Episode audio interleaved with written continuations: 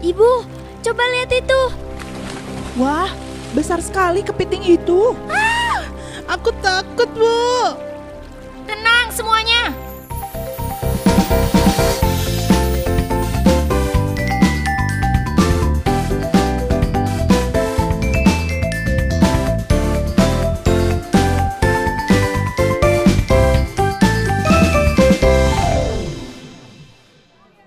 Anak-anak, coba sekarang tunjukkan gambar kalian masing-masing. Ya, belum selesai bu. Bentar-bentar dikit lagi. Sambil menunggu bagus, coba yang sudah selesai angkat gambarnya. Ana, kamu gambar apa? Gambar kupu-kupu, Bu.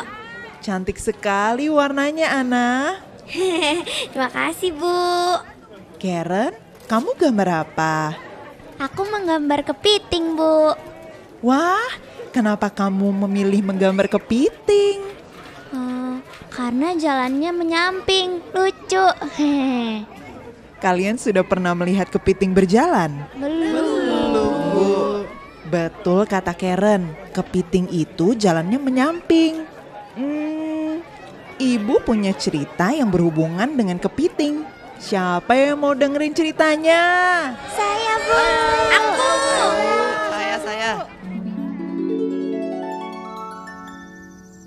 Suatu tempat di Jawa Timur terdapat kerajaan kembar, yaitu Kerajaan Jenggala dan Kerajaan Kediri. Dulunya, kerajaan tersebut terletak dalam satu wilayah yang sama. Seperti pesan Erlangga sebelum meninggal, kerajaan tersebut dapat bersatu apabila ada ikatan pernikahan untuk menghindari peperangan. Akhirnya, Panji Asmara Bangun menikah dengan Dewi Sekartaji. Pada suatu hari, kerajaan Jenggala diserang oleh musuh. Perang itu tak kunjung usai, sampai pada akhirnya Dewi Sekartaji melarikan diri dan bersembunyi ke sebuah desa. Demi keselamatannya, Dewi Sekartaji menyamar dan mengabdi pada Nyai Intan, seorang janda yang mempunyai tiga orang putri yang cantik dan genit, yaitu Kleting Abang, Kleting Ijo, dan Kleting Biru. Bu, mana bajuku? Ambil saja baju itu, ada di lemari. Ibu, sisir rambutku. Keting abang, bantu adikmu menyisir. Ah, tidak mau, Bu. Aku sedang berdandan. Keleting kuning, ke sini kamu. Sisir rambut keleting hijau. Baik, Nyai. Eh, eh, ke sini dulu. Bantu aku mengikat baju. Baik, leting abang.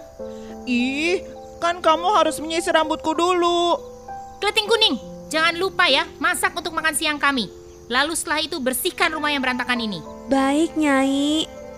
Begitulah keseharian Kleting Kuning di rumahnya Intan bersama dengan tiga orang putrinya. Sementara itu, di kerajaan Jenggala, Pangeran Panji Asmara Bangun berhasil mengalahkan musuh. Tetapi ia sedih karena ia tidak tahu ke mana istrinya pergi. Pengawal, kuperintahkan kau untuk mencari istriku. Pergilah ke pelosok-pelosok desa. Pengawal kerajaan mencari Ratu Dewi Sekartaji ke seluruh pelosok desa. Pada suatu hari, pengawal melihat sesosok gadis yang mirip dengan Ratu Dewi Sekartaji. Para pengawal pun kembali ke istana dan melaporkan hasil temuan mereka kepada Raja Panji Asmara Bangun yang sedang berada di pendopo istana. Baiklah, aku harus memastikannya sendiri. Pengawal, tunjukkan di mana letak desa itu.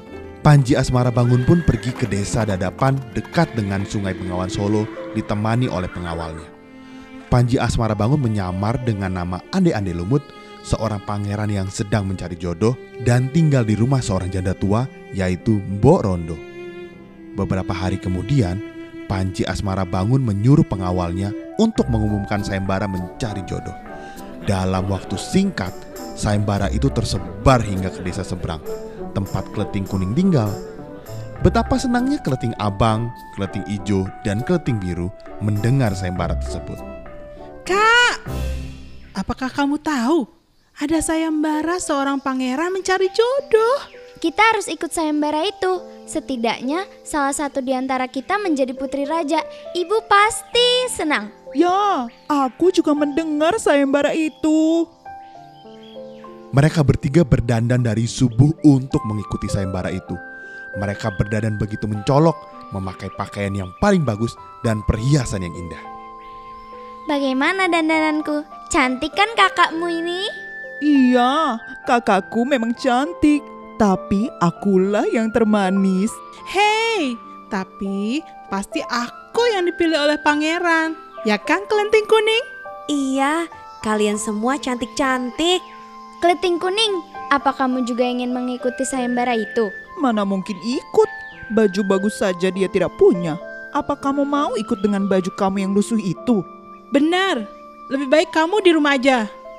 Urus saja pekerjaanmu. Sana, pergilah ke sungai. Cuci baju-baju kotor itu.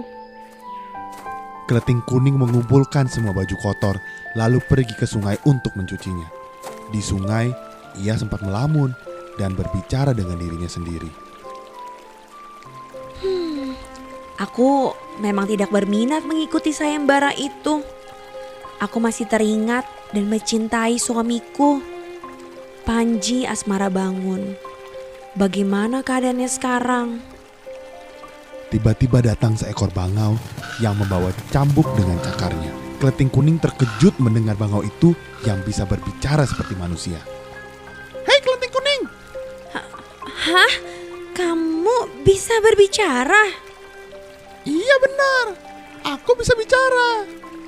Kelenting kuning, ikutlah sayembara desa di seberang. Di sana, kamu akan bertemu dengan Panji Asmara Bangun. Dari mana kamu tahu? Percaya saja denganku. Dan bawalah cambuk ini. Jika sewaktu-waktu kamu butuh pertolongan, kamu bisa gunakan cambuk ini. Iya, tapi Belum selesai keleting kuning bicara, bangau itu terbang. Tanpa berpikir panjang, keleting kuning pulang dan bersiap untuk pergi ke desa dadapan. Sementara itu, ketiga saudari dan ibu angkatnya sudah berangkat terlebih dahulu. Di tepi sungai mereka berempat bingung bagaimana cara menyeberangi sungai. Ibu, bagaimana ini? Kita tidak bisa menyeberang. Kenapa tidak ada satupun kapal di sini sih? Ibu, bagaimana ini? Shh, diam semuanya. Berisik sekali kalian. Ibu sedang berpikir bagaimana cara kita menyeberang. Dari kejauhan, terlihat seekor binatang terapung di sungai. Makin lama, hewan itu makin mendekat. Betapa terkejutnya mereka berempat. Ternyata hewan itu adalah kepiting raksasa.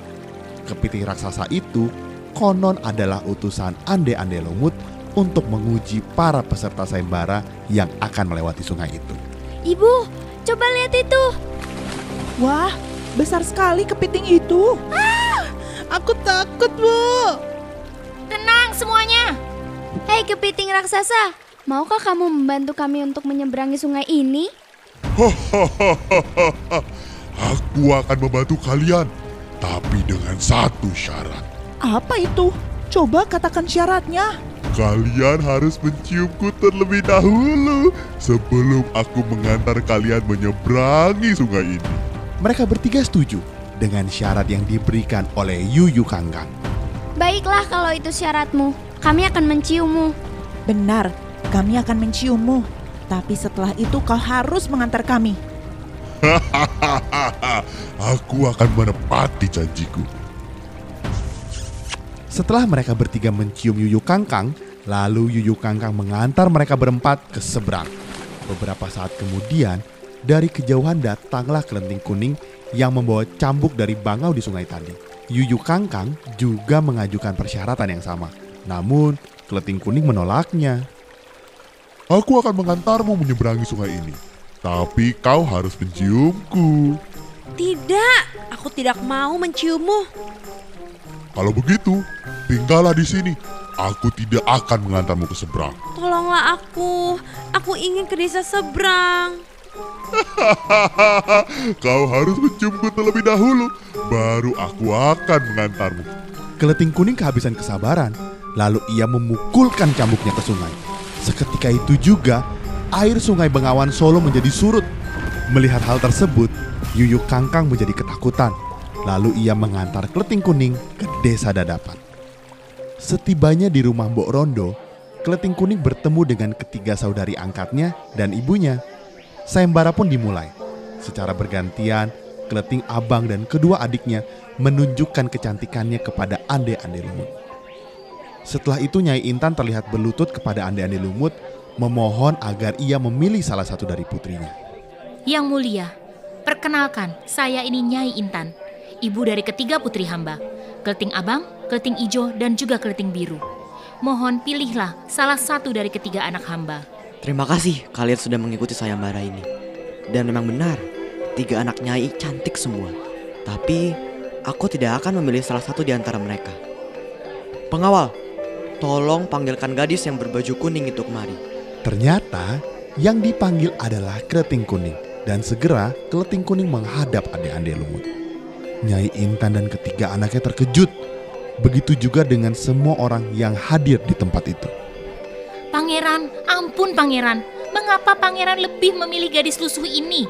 Coba lihat putri-putriku begitu cantik dan menarik. Nyai, aku tidak memilih salah satu dari ketiga putri cantikmu karena mereka telah mencium Yuyu Kangkang. Aku memilih gadis ini karena ia tidak mencium Yuyu Kangkang dan lulus ujian. Nyai Intan dan ketiga putrinya terlihat muram karena tidak lulus ujian. Sementara Keleting Kuning masih bingung karena ia belum menemukan suaminya. Akhirnya, Ande-Ande Lumut membuka jati dirinya. Ia mengakui bahwa dirinya ialah Panji Asmara Bangun. Barulah setelah itu Keleting Kuning menyadarinya. Lalu dengan cambuk pemberian bangau, ia mengubah dirinya menjadi putri yang cantik jelita. Akhirnya Panji Asmara Bangun tersadar bahwa benar ialah Dewi Sekartaji, istrinya yang selama ini ia cari. Ternyata kau Dewi Sekertaji, istriku yang selama ini ku cari. Benar, selama ini aku menyamar menjadi keleting kuning.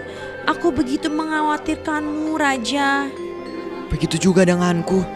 Aku begitu mengkhawatirkanmu.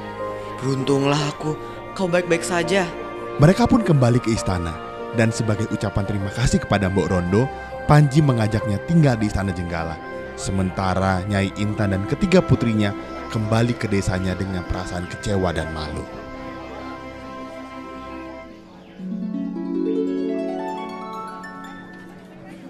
Jadi begitu anak-anak cerita kepiting raksasa alias si Yuyu Kangkang.